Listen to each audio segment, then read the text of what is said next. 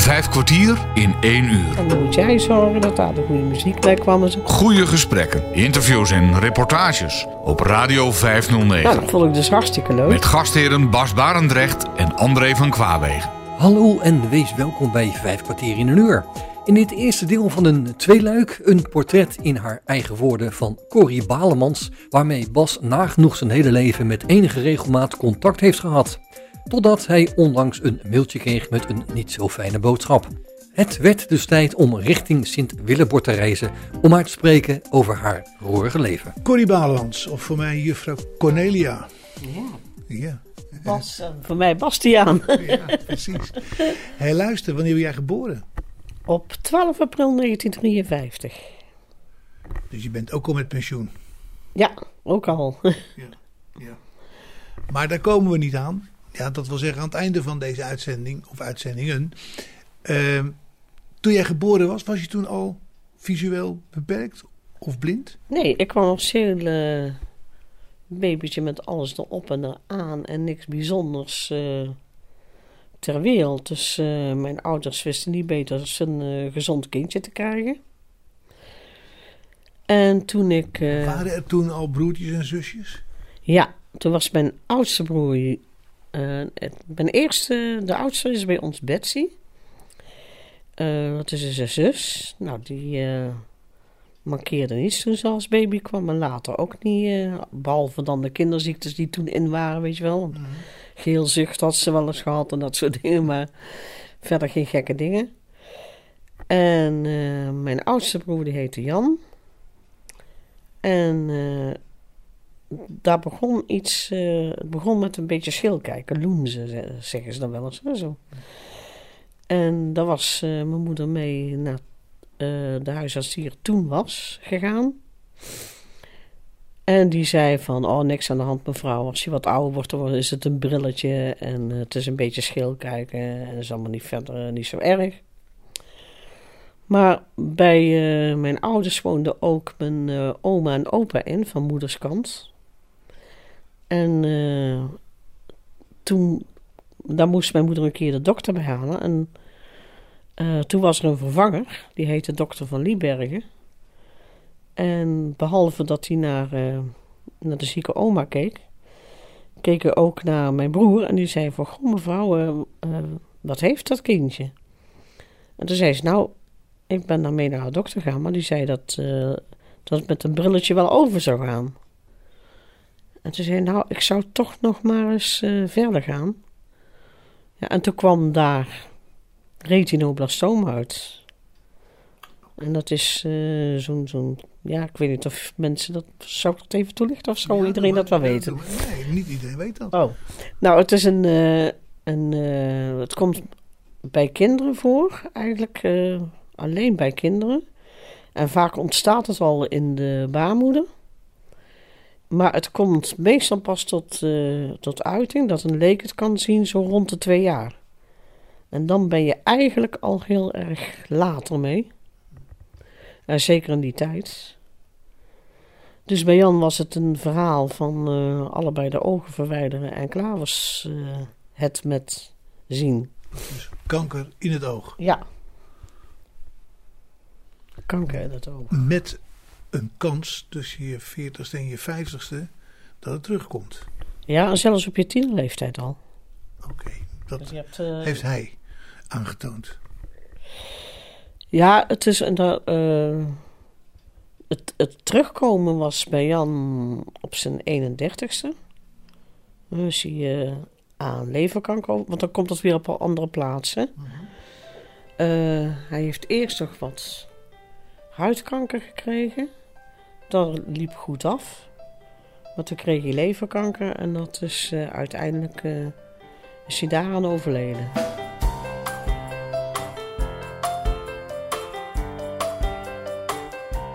Bram van Meulen vond ik ook altijd eh, heel mooi.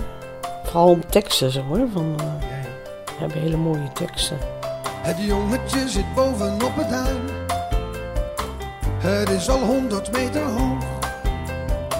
Zo hoog zat werkelijk nog niemand. En hij ziet Engeland. Kijk hem zijn best doen op zijn fiets. Hij gaat zo hard dat je hem bijna niet ziet. Wedden dat hij de honderd haalt, voor hem is dat niets. Het is een wedstrijd, het is een wedstrijd, het is een wedstrijd die je niet winnen kan. Het is een wedstrijd, een wedstrijd, het is een wedstrijd die je niet winnen kan.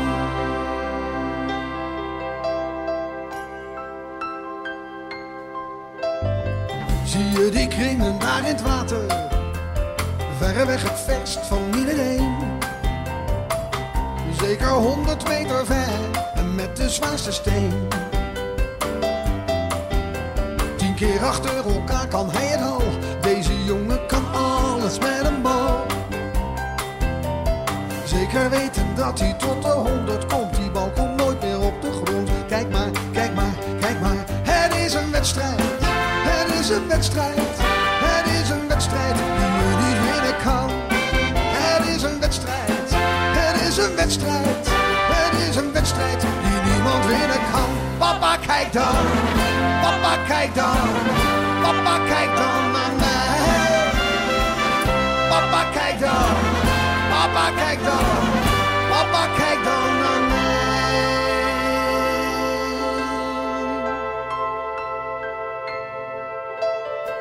Wie is hier bang in het donker? Nou, hij is het zeker niet. In het donker lijkt alles wel anders, maar dat komt alleen omdat je niks ziet. Kijk dan, kijk dan, kijk dan, het is een wedstrijd. Het is een wedstrijd. Het is een wedstrijd die niemand winnen kan. Het is een wedstrijd. Het is een wedstrijd. En het gaat maar tegen één man. Papa, kijk dan. Papa, kijk dan. Papa, kijk dan naar mij. Papa, kijk dan. Papa, kijk dan. Papa, kijk dan naar mij.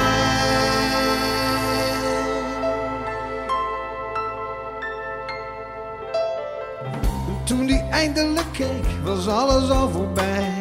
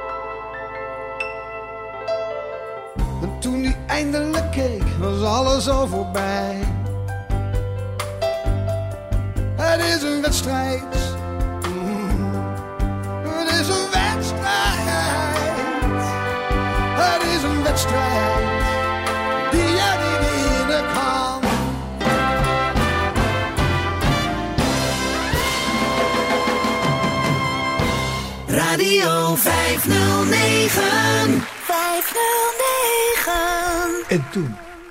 Wie had, dat, wie, eh, had je nog, wie had je nog meer? Voel mij. Dat was eh Dimfy. En ja, er is ook niks eh, bijzonders mee aan de hand. En toen kwam ik. Nou, eh, ik leek dus gewoon eh, niks te hebben in de eerste tijd. En nou weet ik niet precies wie er gelijk heeft. Mijn moeder zei altijd een half jaar en mijn zus die zegt dat... eh, mijn oudste zus zegt dat het drie maanden was. Maar goed, ergens in die tijd dan maar. toen, ehm, toen had mijn moeder mij op schoot. En ik zat alleen maar een beetje met mijn handjes te bewegen aan de eh, banden van de schort. En verder eh, deden mijn benen niks. Dus ja, paniek. Toen bleek ik polio te hebben. Want in 1953 is ook een polio-epidemie geweest. Hier in eh, onze streek. Ja, en ik had prijs. Toen zat ik in Curaçao. Toen zat jij in Curaçao. Ja, dus ik had geen polio. Nou, jij blij? Maar jij wel. ik dus wel. En eh, ja, toen eerst naar Breda gebracht en later eh, heel lang in de Sint-Maaskliniek gelegen. En toen in de Sint-Maaskliniek, toen kregen mijn ouders op een gegeven moment een telefoontje van dat ze dus iets aan mijn ogen hadden gezien. Nou, dat was dus ook, eh, toen had ik prijs met uh, retinoblastoom. Joh. Ja, En toen? En ja, dat is toen eh, mijn rechtse oog. In die tijd was het zo dat je als ze eh retinoblastoom zagen aan één oog, dan was er eh, geen pardon. Dan eh, moest dat oog uit. Met, het hoop, met de hoop dat ze dat andere oog konden behouden. Kreeg je het aan een linkeroog terug, dan probeerden ze nog wel eens wat te doen. Met bestralen of chemokuren, die waren er toen ook al. Nee, ik weet het. Ja, chemokuren waren er wel. Maar dat was wel heel heftig hoor. Die waren veel zwaarder dan te verdragen dan nou. En dus ja, eerst dat rechteroog en dan ging het toen uit. En dat ging een tijdje goed. dus- Want dat was zo rond mijn 2,5. En toen, eh, ja, met, met, met mijn derde jaar kwam dus aan dat linkse oog terug. En eh, ja, daar hebben ze dus eerst bestraald. Maar ja, dat wilde ook niet helpen. Dus toen hebben ze het uiteindelijk, hebben ze dat ook verwijderd. En mijn zusje kan nog herinneren, met dat ene oog kon ik, ja, voor, voor mensen dan, eh, die niet beter wisten, kon ik dat nog best goed zien. En voordat ik het ziekenhuis eh, inging, toen zei ik van, eh, dat ik, een klo- ik had van zo'n speelgoeddoos met allerlei speeltjes erin. En ik wilde mijn klokje meenemen, want anders wist ik niet hoe laat het was als het in het ziekenhuis was. Dat vind ik altijd wel een grappig verhaal. Nou ja, dat, dat ging toen ook. En toen zou ik eigenlijk met mijn vier jaar naar de Wijnberg moeten. En dat kwam een maatschappelijk werkster tegen mijn, eh, mijn moeder vertellen. Mijn vader zal toen... Ja. Ja, is een ander verhaal. Want mijn, mijn moeder zei gelijk van... Mag ik alsjeblieft mijn dochter nog even houden? Want ik, eh, ik, ik, heb, ze nog de, ik heb ze nog maar... eh, ja, de meeste jaren is allemaal in het ziekenhuis geweest. Ja. Het was zelfs zo sterk dat ik op een gegeven moment... Want toen in die tijd kon je maar heel weinig naar het ziekenhuis. Je kreeg maar heel weinig bezoek. En eh, ja, mijn vader was ook nog eens eh touringcarchauffeur. Dus die kon ook... En mijn moeder kon helemaal geen auto rijden. Dus dan was het vaak eh, toch veel, nog meer minder bezoek dan andere kinderen, zeg maar. Die in de buurt wonen. En op een gegeven moment toen, eh, ja, toen zei ze dat er mama was. En, en ik zei, eh, het is mijn mama niet. Dat moet wel ontzettend hard zijn. Ik zei, van was ik een mijn kind, zeg. Ongelooflijk. Ja. Maar ja, ik, ik was zo klein natuurlijk naar dat ziekenhuis gegaan. Dus, eh, en er was wel een, een verpleegster die nam mij regelmatig mee naar huis. Die woonde in Nijmegen. En die, ja, die nam dan vaak... En dan mocht ik daar blijven, mocht ik daar spelen. Bij die verpleegster thuis. Ja. Ik weet ook nog dat ze een hondje Beertje hadden. En eh, ze hadden een hele mooie piano. En konden ze daar goed op spelen? ja, daar kon ze goed op spelen. ja. En, eh, en toen, ja, je zou het nou niet meer zeggen, maar toen, toen ik klein was, ble- leek ik, ja, was ik dan bang voor hondjes. Want, want dat was meer omdat die hard blafte en weet ik veel. En ik wist natuurlijk ook niet zo goed wat er nou eigenlijk precies allemaal op me afkwam. Want ja, je ligt in zo'n ziekenhuis en je krijgt niks van de buitenwereld. Dus je, leert ook heel, ja, je socialiseert eigenlijk ook helemaal niet. Dat is heel, eh, heel merkwaardig. Dus, en dat beest, dat blafte heel v- veel en zo. En dan, dan ja, dat maakte je in een ziekenhuis dus niet mee. Dus ik denk, wat is dat voor een eng beest? Nou, dat zou je nou nog niet meer zeggen, want ik ben een hele grote hondenliefhebber. Dus, Ja. Oh ja, Gilles de Korte mag je nog ook. Van de, eh, Anita vind ik zo'n mooi nummer. Nu is kleine Anita nooit meer bang. Niet voor de grote honden van oom Jozef. Niet voor de ogen van de vreemde mensen. En ook niet s'nachts, al is het nog zo donker. En als het stormt, vindt ze dat echt niet erg.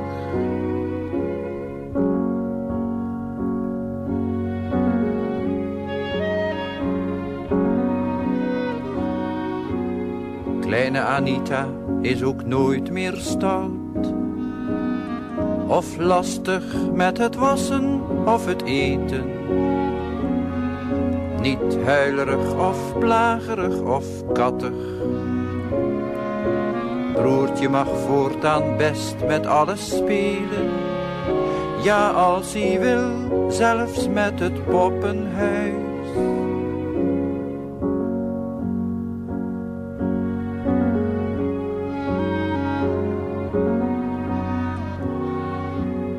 Kleine Anita is ook nooit meer moe.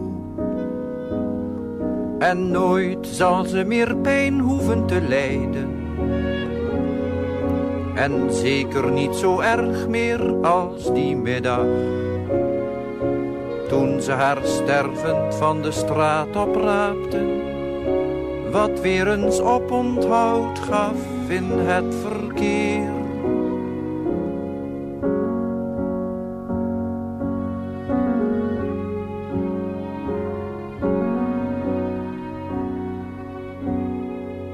Bos Barendrecht spreekt vandaag met Corrie Balemans. En ze hebben het over haar roerige leven. Maar goed, Nou, toen, eh, en toen ik eh, dus aan mijn tweede oog ook die retinoblastoom kreeg, toen was mijn vader die riep: Ja, dit kan toch geen toeval zijn? Twee kinderen met twee ogen en wat de dokters iedere keer zeiden tegen mijn ouders van... Het is een verwaarloosde oogontsteking. En dan wil ik aan iedere dokter de boodschap meegeven: doe dat nooit. Want toen ik 15 was, toen zei ik van. We hebben wij thuis stomme dokters gehad. Eén verwaarloosde oogontsteking, oké. Tweede kan ik me ook nog voorstellen, maar bij twee kinderen, allebei de ogen. dat denk dat vond ik zo raar. Ik denk, wat hebben die nou uitgespookt? Hebben die, zwaren dat wel dokters of zo? Dat heeft, heeft heel lang heeft me dat ja, heel weinig vertrouwen in dokters gegeven. Dus ik zeg altijd van, je kunt beter de waarheid vertellen dan eh, zulke sprookjes ophangen. Want op een gegeven moment val je toch door de mand. ja, ja, ja, ja, ja. Heb je nog meer eh, Nou, broers en zussen na jou? Toen kwam na mij kwam eh, Peter, een broer.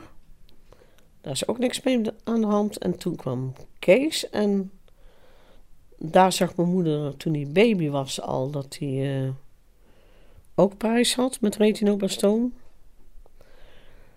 En eh, dat was dus mijn jongste broertje. En nou ja, er zijn dingen mee. eh, toen begonnen allerlei experimentele behandelingen. Waar het kind eigenlijk niks aan had, want het heeft meer in het ziekenhuis gelegen als, eh, als thuis geweest of zo. Iedere Als keer was- proefkonijn. Ja, zoiets. Want ze hadden op een gegeven moment weer een, een kuur uitgevonden. En toen hadden ze eh, tegen mijn ouders gezegd: Ja, als we dat doen, hebben we misschien kans dat we eh, toch in het linkeroog nog het licht behouden. Want die had ook alleen nog maar het linkeroog. Ja, mijn ouders hebben op een gegeven moment ja gezegd. Maar ja, ik kreeg toen een, misvormd hoofd van een heel vooruitstekend eh, voorhoofd. Ehm, hij kreeg allerlei vervelende bijwerkingen op zijn huid en zo. En ja dat, ja, dat was echt een drama vaak. En hij was daarbij ook nog. eh, ik denk dat je dat tegenwoordig autistisch zou zeggen. Toen wisten wij van niks. Maar hij kon echt van die driftbuien hebben. En dan, dan kon hij echt op de grond gaan liggen en dan met zijn hoofd op de grond bonkelen. Hij heeft het zelfs een keer voor elkaar gekregen om met zijn hoofd een raam uit de, uit de achterdeur te bonken. Allerlei scherven. En dan, nou, wij zijn nog steeds verbaasd dat hij daar zonder bloedingen en toestanden vanaf was gekomen. Want Nou waren vroeger die ramen niet dubbel, dus het was makkelijker om.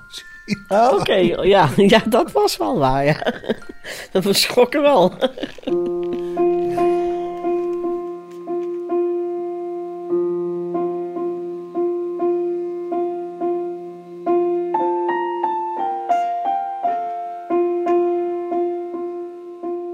Vijf kwartier in één uur. Nou ja, en die kreeg eh, toen hij. eh, ja, eh, hij kreeg botkanker terug. En het was op zijn twaalfde dan, dat, dat het in ieder geval eh, duidelijk werd. Hij trok heel vaak met zijn. was alsmaar vaak met zijn been aan het trekken, één been. En ja, hij was dan een keer eh, tegen een paaltje aangelopen. En toen kwam er een soort bult op. Dus iedereen dacht dat dat. eh, door dat stoten aan dat paaltje was. Maar af en toe dan, eh, dan kon je, ik kon ook merken dat hij best wel ziek was, want hij was dan af en toe heel stil. En dan had hij waarschijnlijk op dat moment veel pijn. En als het op een gegeven moment dan over was, dan, ja, dan begon hij wat te lachen en te doen. Dus waarschijnlijk ook gedacht te hebben van, het is over. Ja, bleef zo aan de gang. En toen eh, ja, hadden ze eerst weer foto's gemaakt, niks aan de hand, riepen ze. Maar ja, het werd toch erger, dus toen weer een keer foto's gemaakt. En toen hebben ze uiteindelijk die tum- tumor zien zitten, want die foto was dan iets te laag gemaakt, riepen ze. En eh, ja, wat kun je doen? Niet meer dan. Ja, denken van vervelend. Als je hoger was geweest, als je het eerder was ontdekt. Ja, na de hand denk je dan ook dat iets uitgehaald. Maar oké, dat was dan. eh, ja, toen kwam dan, eh, moest dat weer uitgezocht worden en zo. Dus toen was het een, eh, tijdens een carnavalsvakantie. En, Die had je altijd hier in Brabant. Een carnavalsvakantie. ja, je had een carnavalsvakantie. Nou, was je van, van vrijdag tot eh, woensdag was je vrij. En woensdag dan moest dan iedereen weer naar school en het askruisje halen. Ja, ja. Toen kon er nog carnaval gevierd worden in alle vrijheid. Ja. Je mocht eerst uit, eh, uit de band springen en dan, kon je- en dan moest je braaf gaan vasten, zo tot Pasen. En een askruisje halen. En toen was het dus dinsdag, de laatste dag van, de, van carnaval dan. En toen, eh, wij hadden zo'n telefoon op de gang hangen. Dat, ik, weet het nog heel goed. En, eh, mijn moeder ging naar die telefoon.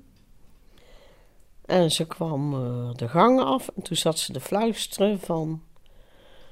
Kees, onze Kees heeft hetzelfde als aan zijn oogje. Dat zei ze tegen mijn oudste zus. En ik niet wetende dat wij dus blind geworden van kanker. Mijn moeder zat heel erg te huilen en zo. En ik probeerde mijn moeder te troosten. En ik zei van, oh mam, een oog, ja, ja, dat, moet er met, eh, dat is er dan uit. Maar zo'n been, dat is zo'n groot lap. Dan eh, gewoon dat stukje eruit en klaar. Ja, zo simpel dacht ik op dat moment. Maar ja, toen moest het eh, op een gegeven moment toch het hoge wo- woord eruit. En toen zei ze, nee, het is kanker en zo. En ja, toen zaten mijn broer en ik ook zoiets van... Mijn broer had het nog niet eens door, mijn oudste broer, die had het niet zo gauw door. Maar ik schrok eigenlijk gelijk. Ik dacht, mijn god, eh, dan ben ik dus blind geworden door kanker. En komen dan die dingen ook nog eh, bij... eh, eh, heb ik Staan we dat- dat ook nog te wachten? staan we dat ook nog op te wachten. En ja, toen, toen, ja, daar schrok ik wel heel erg van. Dan was ik helemaal van de kaart eigenlijk een beetje. En ik heb een tijdje ook gehad van... Hé, waarom hebben mijn ouders dat nooit gezegd? Of heeft dat nooit eens een dokter gezegd? Of... Ik vond het een hele, een hele gekke situatie eigenlijk. Zo van, ook, ik wist ook niet goed wat ik ermee aan moest. Ik... eh, nou, je had verdriet over je broertje. Je had. eh, ja, je was in de war dat je dat ineens eh, ook besefte waarom jij het. Er ook zo aan toe was. En het voorbeeld was trouwens ook nog. Wij hadden iemand eh, op, de, op de Wijnberg. En die, die had ook eh, protheses. Dus eh, ik neem aan dat hij eigenlijk ook retinoblastom heeft gehad. Maar daar leek het dan achteraf wel op. En daar was ook een been van afgehaald en zo. En die was ook eh dood gegaan. Dus ja, al dat soort, soort scenario's schiet dan door je hoofd. Vijf kwartier in één uur. Vandaag ben je samen met Bas Barendrecht op bezoek in Sint-Willeboord en bij, je, bij het gesprek met Corrie Balemans. Over een leven met veel tegenslagen en verdriet in de familie. Maar niet alles was kommer en kwel. Op Radio 509. Maar was je als kind alleen maar bezig met dit soort ellende of had je ook nog leuke dingen? Ik had ook leuke dingen, want als kind eh, ging ik maar door het leven, hobbelde ik wel een beetje door het leven heen. Ondanks, de, ja, uh, ik, ik weet wel. Want hoe lang ben je nog thuis geweest? Nou, ik ben tot mijn vijf jaar thuis dan geweest, want mijn moeder die had ge, gesmeekt om mij nog een, een, jaar te houden. En toen ben ik naar de Wijnberg gegaan. En daar heb ik dan de lagere school gedaan en de, de MAVO tot klas 2. En toen konden we over naar reguliere school in Graven. Ja, en de, uh, we zaten wel bij nonnen, maar we waren, ja... We zijn toch, ik had laatst ook met, uh, met iemand die samen met mij op school heeft gezeten, best wel dingen uh, opgehaald. Zo van, juffrouw arts, dat was een juffrouw Nel, die had een hele schelle stem. En die kon ontzettend boos worden, maar die had ook hele leuke dingen van. Uh, die kon ontzettend goed voorlezen. En toen moesten we zaterdags nog naar school. En het laatste half uur was altijd uh, voorlezen. Nou, daar zag ik gewoon naar uit, weet je wel. Dan vond ik altijd uh, gewoon jammer dat dat half uurtje voorbij was. Zo mooi. mooi op toon. Ja, mooi op toon. Ja, ze kon prachtig voorlezen. En als ze jarig was, maakte ze er altijd iets van. En uh, vrijdags dan uh, was het op, in Graaf altijd de markt. En dan mochten wij uh, met haar naar de markt. En dan kochten we fruit en vis. En, en met de hele ja. klas dan? Ja, we hadden maar een heel klein klasje dan. Want zo'n klas bestond eigenlijk uit... Ja, zes of acht kinderen maximaal, denk ik. Zoiets. Maar je leerde dan ook gelijk met geld omgaan. En je leerde fruit te herkennen. Eigenlijk op een op een hele speelse en, en, en, gezellige manier, laat ik maar zeggen. Niet, uh, niet in de klas, maar midden in de maatschappij, uh, midden op de markt. Stond dan gewoon ook uh, in het leven. Dus dat was, ja, dat vond ik toch wel heel vooruitstrevend van die tijd. Ja. Heb je met die juf ook nog nader contact gehad op latere leeftijd, of niet? Ja, nog wel. En die juf, die, waar die juf ook zo goed in ja, was mij een heel groot plezier mee heeft gedaan. We hadden een, eerst een gymleraar, die heet uh, Mienke Prins. En alles wat ik aan gym mee kon doen, dat liet ze me meedoen. Maar als het op een gegeven moment uh, niet meer ging, dan zei ze van... Uh, oh, maar jij kunt heel goed bandrecorder verdienen, dus dan gaan we dit doen. En dan moet jij zorgen dat daar de goede muziek bij kwam en zo. Nou, dat vond ik dus hartstikke leuk. Hoe oud was je toen? Uh, ja, dat was in de vierde, vijfde, zesde klas zoiets. Okay. Dus uh, jaar of tien? Ja, jaar of tien, ja. Okay. Ik zat even terug te rekenen hoe dat ook alweer zat met die scholen toen. ik heb een speeldoosje staan dat ik van Jan heb gekregen. Dat is een postzegeltje groot, zit een uh, sleuteltje op. En dat speelt What's Now My Love. Oh, ja, ja, ja. Het is maar een kort melodietje. Ja. Want ja, dan begint ja, weer opnieuw. Nou nee, hij begint heel lang. ik wil hem wel eens voor je opdraaien dadelijk. Okay.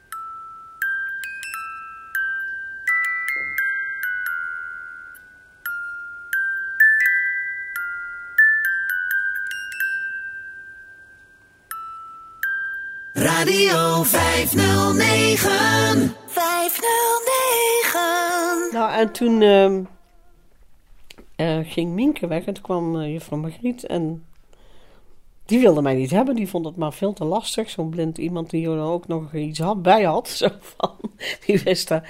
Was ook nog wel een meneer van Gent, die gaf ook wel een schimles. En ja, daar, daar mocht ik wel vaak meedoen. En dan klim ik, het, eh, toen ik jong was, klom ik toch op klimrekken. En ja, het zag er misschien niet uit, maar ik kreeg mezelf eh, naar de bovenste ladder. bovenste, Geweldig. dus eh, dat bleef ik gewoon doen. En, eh, maar ja, die, die juf die vond, dat, die vond het dus maar niks. En ja, toen mocht ik dat niet. En toen zat ik een keer in de klas te huilen. En toen zei ik van, nou, nou weet je wat? Dan ga ik aan meneer Klinkhamer, dat was de, eh, de zwembadmeester, badmeester. Ga ik vragen of jij in die tijd dan mag zwemmen. Nou, dat vond ik wel geweldig. Nou, ik- ben, eh, ben echt een waterhard geworden daardoor. En toen heb ik ook eh, diploma's gehaald. En bij het eerste diploma kreeg ik een gouden kruisje van, eh van juffrouw arts. En het tweede diploma kreeg ik een bedelarmbandje. Ik heb het allebei nog. Dat zijn schatten voor mij. Dat geloof ik, ja. ja. Maar die is ondertussen overleden. Maar dan was ik... eh, ja, dat eh, waren allemaal van de... Van die leuke dingen, zeg maar. Ja, wij sliepen op grote slaapzalen. Dat weet ik ook nog wel. Wat ik ook nog... eh, Hoe groot waren die dan met z'n hoeveel? oei, Ja, even kijken. twintig. Ja, zoiets zeker. En dan zat aan de andere kant zat dan de slechtziende... eh, van de slechtziende me- mensen, die eh, een woongroep. En daar stond eh zuster Livina bij. En daar moesten we altijd mee lachen. Want als we dan praten waren, dan kwam ze die zaal op en dan... Is het nou klaar? Dat soort dingen deed ze dan. En dan moesten wij altijd weer vreselijk lachen. nou, en stiekem eh, radio luisteren. Je, weet, wel, je had allemaal van die transistors, weet je wel. Ja. En ik heb toen eens een keer gehad dat ik... eh, toen was Radio Luxemburg nog, dat weet je vast nog wel. Ja. En daar kwam John Lennon op. En John Lennon die vertelde van... Ik denk dat ik nog wel beroemder ben als, eh, als Jezus. En ik stond s'morgens dus aan de wastafel de was. En ik vertelde dat zo. Ik zei... Goh, ik hoorde eh, van John Lennon. Die was op de radio vannacht. En die zei... Ik denk dat ik nog wel beroemder was als Jezus. Nou, ik bij zuster Wilhelburger was onze afdelingszuster.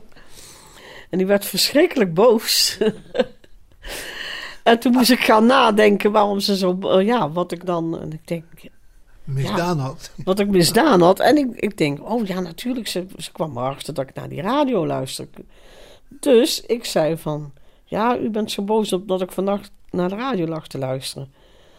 Nou, je lag je dood, maar toen zei ze van, ook dat nog. ze had helemaal niet door dat ik dat s'nachts op de radio had gehoord. Dus erg bij de hand personeel hadden ze niet. Nee, toen niet. Ja, en later ga je die mensen zo goed begrijpen. Hè? Want ik kwam later bij zuster Wilhelburger en die zei dat ze eigenlijk een opleiding had voor kleuters. Maar dat arme mens kreeg een, eh, een hoop tieners ineens op. Ja. Begin er maar eens aan als je... Ja. Want een tiener is vaak voor gewoon ouders al, eh, al, al heftig. En dan sta je daar als iemand... eh, ja, daar heb je er ineens een heleboel. Nou, Bert van den Brink vind ik eh, fantastisch piano spelen.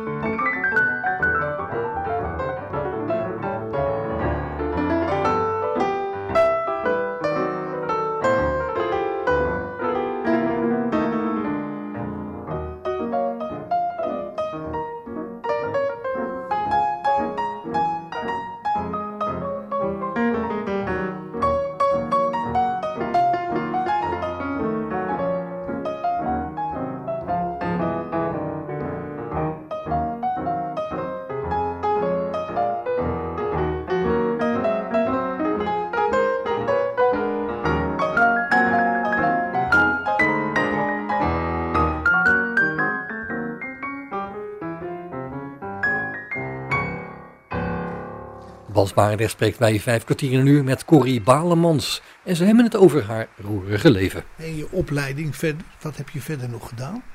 Eh, na de MAVO heb ik toen ateneum gedaan. En ik wilde altijd, eh, ja, dan, dan krijg je die vragen van wat, wat wil je later worden? En eh, Wat wilde je worden? ja, ik wilde de journalistiek in of met kunst bezig zijn. Dat waren de twee opties die ik, eh, die ik had. En dat vond ik zo op de, in Graven de, de moeilijkste dingen die er waren. Want ja, eh, ja, dat is voor journalistiek vonden ze niet zo makkelijk voor een blinde. En eh, nou ja, kunst, kunst. Nou, toen ben ik naar. Dat, er was een club in Utrecht. Ik ben even die naam kwijt. Studenten. Dat was er voor, voor studenten die iets markeerden. En die werden dan begeleid, zeg maar. En Eh, jij wilde studeren en je mankeerde wat. Dat was duidelijk. Ja, dat was duidelijk. Ja, het studenten stonden toen, het staat me bij, maar zo zal het toch wel vast niet geheten hebben. Nederlands student, maar in ieder geval zoiets was het. Het was een club in, in eh, Utrecht. Dus dan had ik wel iets met kunst. En toen deden ze iets. eh, ja, toen zei ze: Ja, we, we kennen wel iemand. En die zullen we dan uitnodigen om te komen. Dan kun je daar eens mee praten. Maar ja, dat hebben ze iets, iets te verkeerd aangepakt. Want die mevrouw vertelde dat ze bij bejaarden. En dat deed ze dan dagbesteding. En ik was, een een, heel andere tak van sport was die. ik was een eh, jong meisje. En ik dacht, ja, ik snap wel dat dat een, een, een opstap zou kunnen zijn. In ieder geval die school. Maar ik had zoiets van, huh, dat bedoel ik helemaal niet, weet je wel. Ja. En toen dacht ik, oh, ik, ja, ik zou het nou niet meer durven zeggen, maar ik had dacht dus zoiets van, met bejaardenwerk, hemel, ik zag dat helemaal niet zitten. Ik denk, dus ik had toen iets van, ja, en dan was er een school, een EPE die ze volgden. En toen denk ik van, ja, maar als dat dan het uitzicht is, en eigenlijk hadden ze, ja, als ik dan iemand ha- had moeten begeleiden, had ik gezegd, joh, doe die school nou. Want je kunt er in ieder geval eh, eh, ja, technieken en zo leren en van alles. En dan, dan kun je nog altijd laten zien wat je, of je er iets anders mee kunt dan dat. Maar ja, dat zeiden ze dus niet. En ik dacht zoiets van, nee, nee, die kant die wil ik toch niet op. En eh, toen ben ik gaan werken bij het, eh, ja, dat was het bureau van Sint Odilia, want die wilde een eigen bureau hebben. En die werd, dat werd ondergebracht bij het Gesproken Weekblad. En dan ondertussen... Ingraven. In Graven, ja. Dat heette toen nog Gesproken Weekblad. Dat is nou Dedicon geworden. De band was het vroeger. Hè? Ja. Een heel gezellig eh, oud huis. Zaten met de technici en alles eh, zaten we tussen, tussen de middag koffie te drinken en eh, onze boterhammen op te eten. we namen nog echt ons eigen boterhammetje mee. En eh, ik nam, eh, ik zat daar op kantoor en ik nam ook voor, naast dat ik het werk voor Sint Odilia deed, heb ik ook de telefoon opgenomen bij het gesproken weekblad. Maar ja, goed, ik ben niet zo'n. Niet zo iemand die dan echt katoenfreak eh, is. Dus ja, ik had op een gegeven moment, ik wil toch wel iets meer eigenlijk. En eh, toen zat ik weer bij die journalistiek en toen vertelde Boet Kokker van, want die zat er ook in de studio en ik ben toen eens een keer in de studio geweest en kwam in contact met Boet Kokker en die zei van, nou, eh, je kunt wel leerlingjournalist bij de Gelderlander worden en dan eh, kun je, alleen het nadeel is dat je dan niet zomaar bij iedere krant kunt gaan werken. Eh, maar dat zou een eh, mogelijkheid zijn. En wat dan eh, heel makkelijk is om eh, de journalistiek binnen te komen, is als je ergens in gespecialiseerd bent. En toen las ik iets over culturele antropologie in de gids van Nijmegen van, eh, van de universiteit. En toen dacht ik, dat is interessant. En omdat er toen veel gastarbeiders allemaal op ja, Nederland binnentrokken, ik denk van, lijkt me wel nuttig eigenlijk. Ja. Ik denk, want ja, we moeten met meer mensen hier in Nederland wonen. En dan moeten we toch een beetje met elkaar kunnen vinden, lijkt me. En eh, elkaar een beetje kunnen begrijpen. Nou, dat heb ik echt een hele leuke studie gevonden. En toen... En waar was die studie? In, In, in Nijmegen, in eh, de Universiteit in Nijmegen. Iets van Robert Long. Tien uur, zondagmorgen. En ik kijk naar je gezicht. Nu nog lig je naast me. En je ogen zijn nog dicht. Na vandaag zul jij niet meer bij me zijn. Er is iemand waar je meer om geeft, dat kan gebeuren. Flink zijn, even flink zijn. En hoewel het lang kan duren, zal ik wachten tot ik niet meer denk aan jou. Ik zal wachten tot ik vrij zal zijn en net zo ver als jij zal zijn. Dus wachten tot ik niet meer van je hou. Twee uur, zondagmiddag. Al je spullen staan al klaar. Koffers en wat dozen. Ik kijk er af en toe eens naar. Voel me kloterig, maar ik zeg het niet. Ik hou me goed, je ziet dus dat ik het begin te leren. Flink zijn, even flink zijn. En hoewel het lang kan duren, zal ik wachten tot ik niet meer denk aan jou. Zal wachten tot ik vrij zal zijn en net zo ver als jij zal zijn. Dus wachten tot ik niet meer van je hou. Zes uur, zondagavond. Nou, tot ziens, zeg jij, ik ga. Afscheid aan de voordeur. Jij rijdt weg, ik staar je na. Waarom schreeuw ik niet? Zijn mijn ogen droog? Het is misschien net iets te vaak gebeurd om nog te huilen. Flink zijn, even flink zijn. En hoewel het lang kan duren, zal ik wachten tot ik niet meer denk aan jou. Ik zal wachten tot ik vrij zal zijn en net zo ver als jij zal zijn. Dus wachten tot ik niet meer van je hou.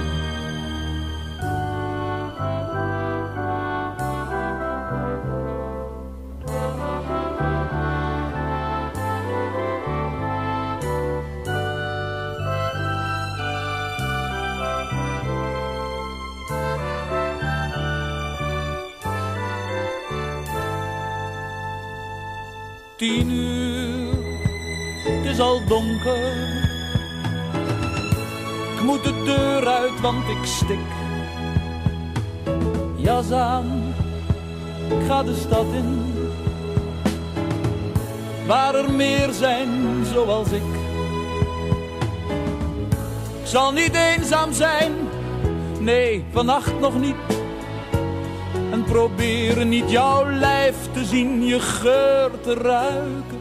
Flink zijn, even flink zijn. En hoewel die kans gering is, hoop ik vurig dat ik niet verlang naar jou. Proberen om weer vrij te zijn en net zo ver als jij te zijn. Dus wachten tot ik weer van iemand hou.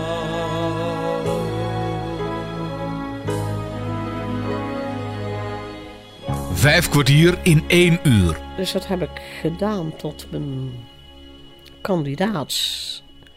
En toen kwam ondertussen in Tilburg de opleiding voor journalistiek. En daar kon je dan wel met eh, eh, terecht op eh, verschillende kanten als je dat zou willen. En nou, toen ben ik daar naartoe gegaan. En die meneer zei tegen mij van... Nou, je kunt wel een paar dingen overslaan. Want je hebt in antropologie... Heb je al verslagen moeten schrijven? Heb je al interviews moeten doen? En, en dat soort dingen. Dus eh, ik kon dus nog een heleboel andere dingen dan eh, allemaal nog eh, bijleren. En dat was met, de, met name de journalistiek een beetje bijleren. Dat je niet eindeloze lange inleiding moest schrijven, maar meteen met de deur in huis vallen, bij wijze van spreken. En ehm, nou, uiteindelijk heb ik daar dus mijn diploma gehaald. Toen heb ik nog massacommunicatie gevolgd. Dat, ja, hoe dat werkt, hè? Als, als je met de massa communiceert. Wat meneer Rutte dus moet doen met zijn persconferenties en dat soort dingen. Ja. Hoe Ehm, oud was je toen, toen je dat studeerde? Nou, het was toen... 24 of zo? Nee, eh, ja, ik begon in mijn... eh, toen ik... Nou, ik was al ouder zelfs. Want ja, ik, ik was er ver achter in de twintig inderdaad. En... eh, maar ja, ik, eh, ik kon er gewoon nog eh, bij komen, zeg maar. En in 85, toen begon bij mij eigenlijk de eerste tekenen van postpolio-syndroom.